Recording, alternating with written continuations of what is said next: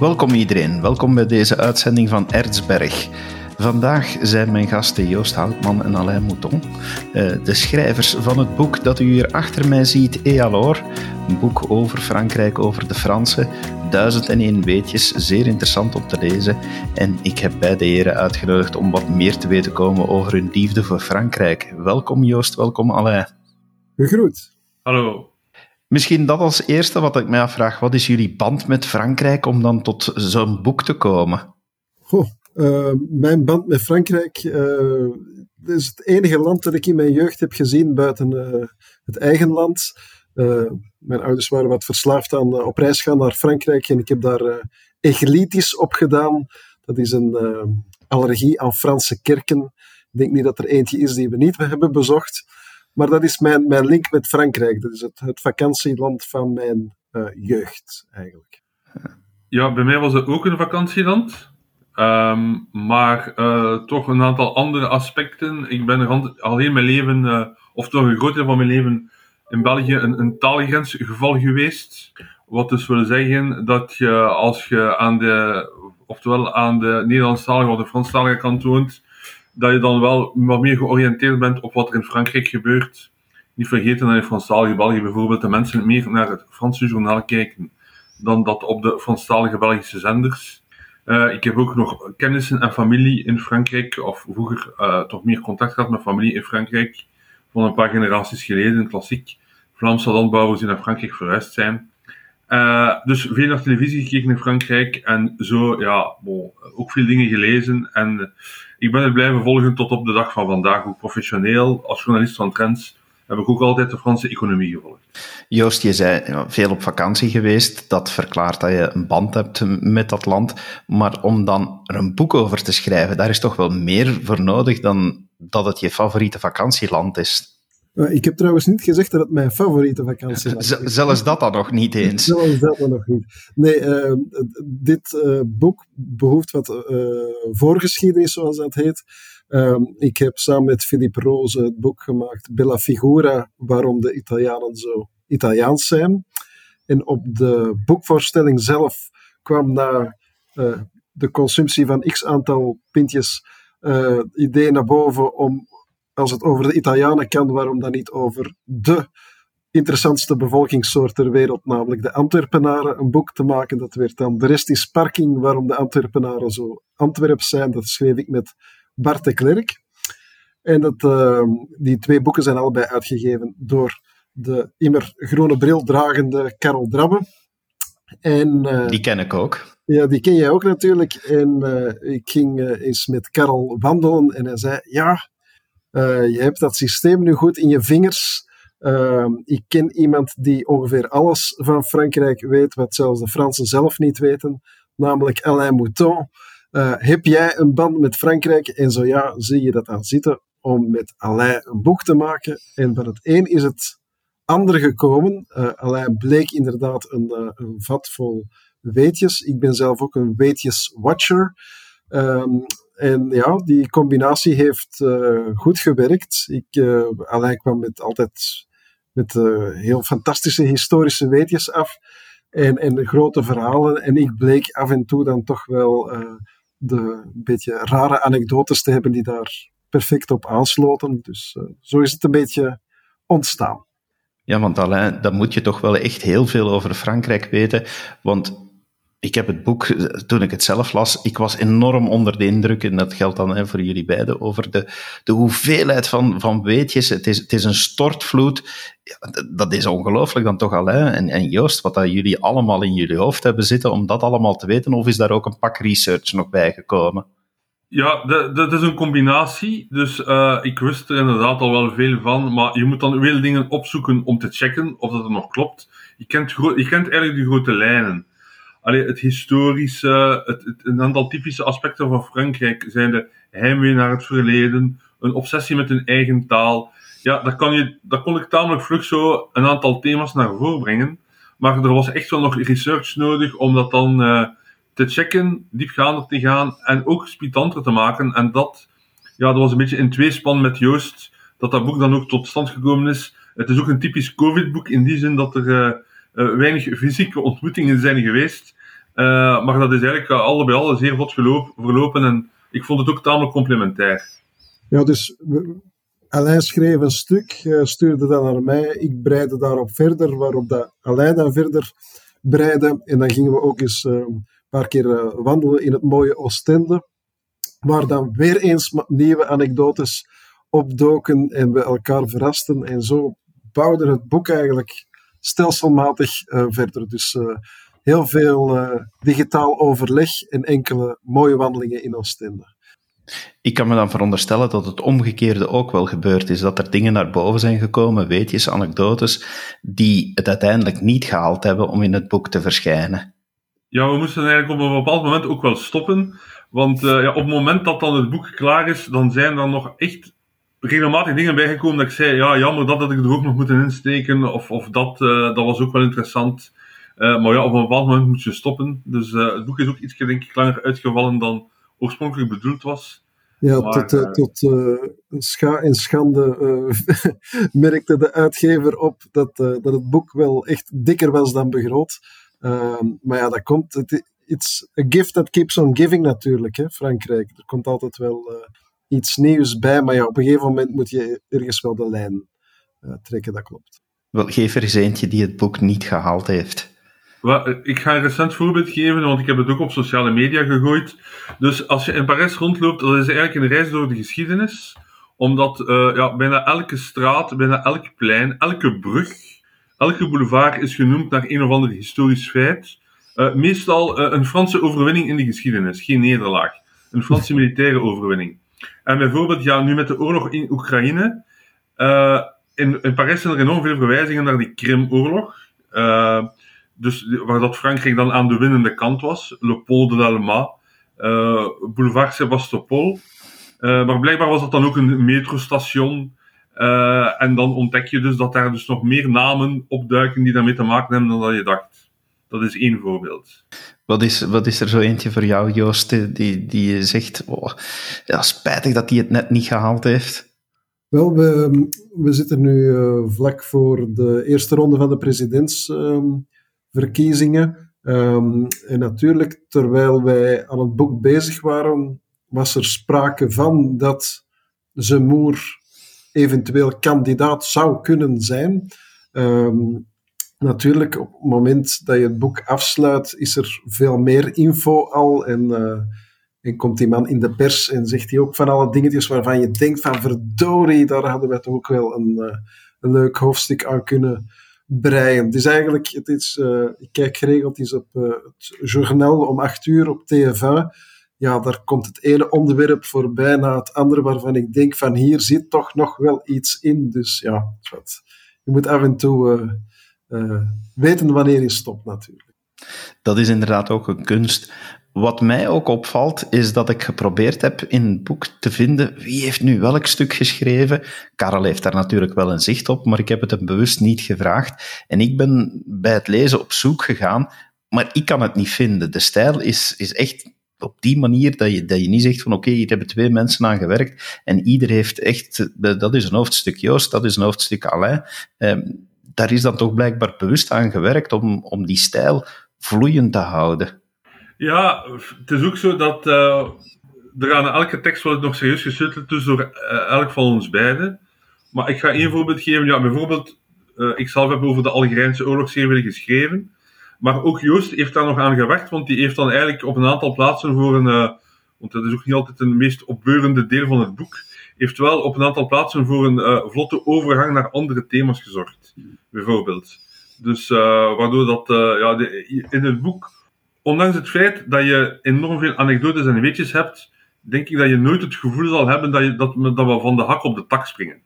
Nee, dus eigenlijk, ik denk dat dat het, het grote verhaal is. Um, er zijn misschien wel stukjes of hoofdstukken waar je misschien uh, drie vierde Alain, één vierde Joost hebt en, en, en, en, omgekeerd. Maar het is wel organisch in elkaar ge, uh, gegroeid. Uh, we hebben er ook op gelet dat het boek één stijl heeft en inderdaad niet uh, om beurt een hoofdstukje is. En ik heb inderdaad wel de neiging om sommige heel eigenaardige dingen met elkaar te kunnen verbinden. En dat is dan weer leuk aan zo'n boek natuurlijk. Dat is ook het, het, het concept of de stijl van het boek. Hè? Dat je van de lichtere naar de zwaardere en omgekeerd kan gaan. En dingen die totaal ja, vreemd lijken om met elkaar te combineren, dat je daar toch in slaagt, omdat dat gewoon over hetzelfde land gaat. Dat is inderdaad, uh, vind ik dan toch, bij het lezen, je, zegt van oké, het is niet van de hak op de tak. Er zou kritiek kunnen gegeven worden dat dat eigenlijk wel zo is, want er staan zoveel dingen in en, en het een brengt het andere voort. Uh, dat geeft, mij, dat geeft mij toch wel het gevoel dat dit een boek is dat je eigenlijk, als je dat leest, dat je dat moet voorstellen. Oh, dit zou ook heerlijk zijn om dit in een zaalshow te zien met jullie twee. Want ik denk dat als jullie op podium zouden staan, dat dat, dat echt ook wel een dynamiek zou geven. Uh, er zit toch een bepaalde chemie tussen jullie, vind ik, als je zo tussen de lijnen het boek volgt. Maar dat is heel organisch ontstaan, want de, de, ja, een beetje de ultieme grap is dat ik denk dat wij elkaar voor het schrijven van dit boek niet ontmoet hebben, buiten dan een eerste, ook wel uh, virtuele ontmoeting die uh, uitgever Karel had opgezet. En dat het dan zo goed klikt in de, in de praktijk, vind ik, dat vind ik wel leuk. Ik heb er uh, aan het boek een vriend overgehouden. Dat kunnen toch niet heel veel mensen zeggen. Dus, uh. Ja, ik zie uh, Alain uh, een dikke duim opsteken, dus wederzijds blijkbaar. Inderdaad, dat klopt, dat klopt. Bij het schrijven van het boek, dan, dan denk ik toch ook dat jullie moeten heel dikwijls het gevoel gehad hebben van oh, hoe gaan de mensen daarop reageren? Van, gaan, gaan er veel mensen zijn die zeggen van, oh ja, maar dat wist ik al. Of, denk, wat denken jullie zelf? Gaan er, gaan er veel mensen dikwijls verrast op kijken en zeggen van, amai, dat is uh, weer iets wat dat ik niet wist van Frankrijk of van de Fransen? Ik vind dat, is een heel goede vraag in de zin wij hebben geprobeerd om de dingetjes die, waarvan we denken dat veel mensen ze al weten, om daar de dingen in te zoeken die de mensen nog niet weten, de kleine details die weinig mensen weten. Hè, als ze het grote verhaal kennen, de dingetjes die ze nog niet weten. Of zijn we op zoek gegaan naar weinig bekende verhalen waar heel veel rondhangt, waar je heel veel uh, over Frankrijk kan van vertellen. Maar zo, ja, iets, iets dat bij manier van spreken weggemoffeld is op pagina 15 van de krant, dat je daar toch een heel groot verhaal kan vertellen en iets dat in het hoofdartikel van de krant staat, in een bijzinnetje, dat, daar is gaan, gaan beginnen eh, in, ingraven en zien wat dat eh, geeft. Dus dat was wat de, de invalshoek. En natuurlijk zullen er dingen zijn waarvan sommige mensen al het een en het ander weten, maar dan hebben ze het nog niet gelezen zoals wij het hebben geschreven en hebben ze nog niet de linkjes gemaakt die wij hebben gemaakt. Want het gaat inderdaad soms over uh, een Franse president via een wagen naar een voetballer en zo kabbelt het dan verder. Maar ik denk wel dat dat uh, stroomt zoals de scène stroomt. Dus, uh... Ja, een voorbeeld. Ik denk dat de mensen die een beetje geïnteresseerd zijn in Frankrijk en dan het boek lezen, wel zullen weten dat uh, Johnny Hallyday van Brusselse origine was, dat Marie Curie van Poolse origine was en dat Charles Aznavour uit Armenië kwam. Maar dan zullen ze ook tot de vaststelling komen dat er nog tal van andere bekende Fransen zijn gaande van Louis de Funès tot Yves Montand, die ook niet-Franse origines hebben en zelfs met een niet-Franse naam geboren zijn. En dat maakt het denk ik uh, ook extra interessant. Dat was voor mij inderdaad ook een verrassing. En, en dan ook leren van, oké, je, je bent Frans als je, wanneer je daar woont en wanneer je Frans spreekt, en dan liefst ook je naam verfranst. Uh, dat gaf mij wel andere inzichten ook in, in de achterliggende cultuur. Um, want ja, verrassing, verrassend is het eigenlijk hoe dat je met, met zo heel veel van die kleine weetjes en, en feiten, dat je toch het gevoel krijgt van, hé, hey, ik heb Frankrijk wat beter leren kennen. Ehm, als ik dat dan zeg, zeg je dan van, oh, dat is een mooi compliment, want dat is eigenlijk wat we wilden bereiken, of nee, dat was nooit de opzet? Ja, nee, ik vind het een heel mooi compliment, en, en, maar ik denk dat het ook geldt voor ons beiden, dat we door het boek te maken hebben Ehm, en, en uh, ere wie ere toekomt. Alain weet uh, nog wel een paar uh, kilometers meer over, over Frankrijk dan ik zelf. Dat we toch door het boek te maken ook zelf nog dingetjes zijn te weten gekomen, dingen meer ontdekt hebben. Of dat je bijvoorbeeld, wat Alain aanraakt, al die niet-Fransen die dan grote Franse helden zijn geworden. Het is door daarin te duiken dat je echt een, groot patroon ontdekt en dat je zegt van oh, hier, hier, hier, hier hangt een, een, volledig verhaal aan vast. Dit zijn niet enkele uh, leuke anekdotes, dit past echt in, een, in een groter verhaal, namelijk dat Frankrijk echt als, als, uh, als land mensen ja, echt volledig in zich kan opnemen en volledig Frans kan maken. Dat is echt een groter verhaal dan die enkele namen die er juist zijn opgezond. En dat werkt dus enorm sterk door, dat verhaal. Hè? Recent nog in de campagne van de verkiezingen heeft blijkbaar een afstammeling van Lodewijk XIV zijn steun uitgesproken voor Erik Zemmour. En Erik Zemmour heeft dan daarna verwezen, want die is van, uh, zijn grootouders kwamen uit Algerije. Ja, zegt hij, toen, uh, Leop uh, toen Lodewijk XIV hier koning was, dan wonen mijn voorouders in de, de bergen in Noord-Afrika. Dus, en dat is dus een element dat dus constant naar voren komt. Hè. Dat is ook een van de pijlers van het boek eigenlijk hoor. Dus, Jullie maken ook heel duidelijk dat er toch wel een behoorlijk verschil is tussen Parijs en de rest van Frankrijk. Eh, Frankrijk is ook niet, als tamelijk groot land, niet heel homogeen te noemen. De verschillen, daar hebben jullie ook aandacht voor. Ja, dus die spanning stad-platteland, dat is bekend, maar eigenlijk moest ik zelf toegeven dat ik nog bijgeleerd heb hoe sterk dat zich dat door de eende eeuwen heeft gemanifesteerd en hoe dat, dat toch tot vandaag uh, doorwerkt. Uh, ja, een van de interessante dingen is bijvoorbeeld dat, dat Frankrijk, laten we zeggen, in de vorige eeuw door de Parijzenaars bijna ontdekt is. Zoals, je, ja, zoals men een kolonie eigenlijk ontdekt, zoals men de Congo-rivier afwaart, bijna bij wijze van spreken. Om, om een voorbeeld te geven, een zeer bekende toeristische trekpleister in, in Frankrijk, nu in de Provence, Les Gorges du Verdon, dat is eigenlijk de, de Franse Grand Canyon, dat is eigenlijk pas in kaart gebracht in 1905. Dus afgezien van de lokale bevolking, uh, was dat eigenlijk nog nooit echt in kaart gebracht en was er nog nooit iemand geweest. En dat is ook iets dat typisch is voor die spanning stad, platteland, Parijs, periferie. Ja. Kijken jullie nu met... Uh, zeg maar, ja? Je ziet dat trouwens ook nu in, in, in, de, in de politiek, hè, dat je, um, sommige kandidaten gepercipieerd worden als te Parijs. Hè? Dus dat uh, vind ik ook wel interessant. Dat dat een, um, een, uh, een tegenargument tegen een kandidaat kan zijn. Dat iemand te Parijs is. Ja, want bijvoorbeeld nu als um, Emmanuel Macron nu, die is eigenlijk tamelijk laat met zijn campagne begonnen.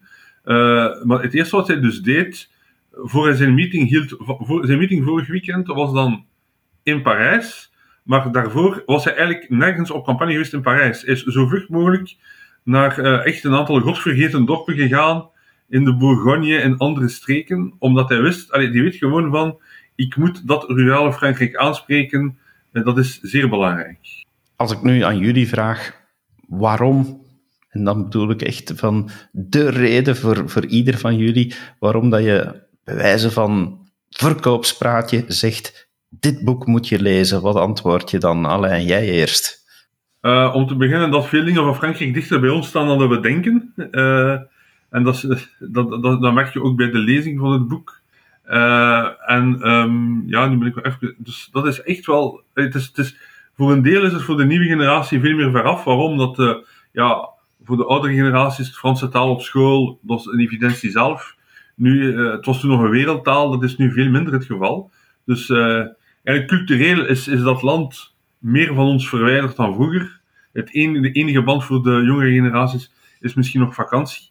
Maar er zijn toch nog veel meer zaken dat je zegt dat dat dichter bij ons staat dan dat we denken. Uh, je hebt ook het, het, verhaal van de gastronomie, uh, bijvoorbeeld. Daar gaan we zeer diep op in. En uh, ja, dat is iets dat in België en zeker in Vlaanderen toch nog altijd een belangrijk gegeven is. En ik denk dat je daar zeer veel leuke dingen over bijleert. Ja. En voor jou, Joost?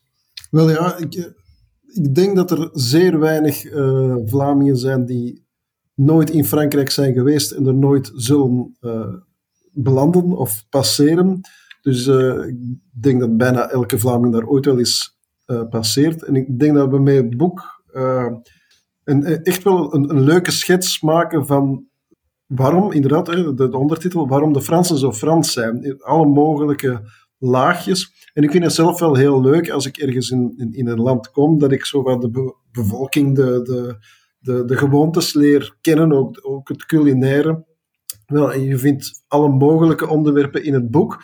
En ik denk ook wel, ik heb ook al uh, complimentjes gekregen, uh, waarvoor dank aan die mensen. Ze zeggen van, oh, dat wist ik niet en nu begrijp ik wel net iets meer over, over Frankrijk. En uh, niet dat ik per se wil stoeven met complimentjes, want dat is een beetje on-Vlaams. Maar wat, mensen ontdekken toch wel in het boek leuke dingen over, over Frankrijk die ze nog niet wisten. Dus als we die poort een beetje hebben geopend, dan vind ik dat wel leuk. Ik wou inderdaad net ook vragen naar feedback, naar complimenten. Eh, welke, ja, welke feedback krijgen jullie zo al over het boek?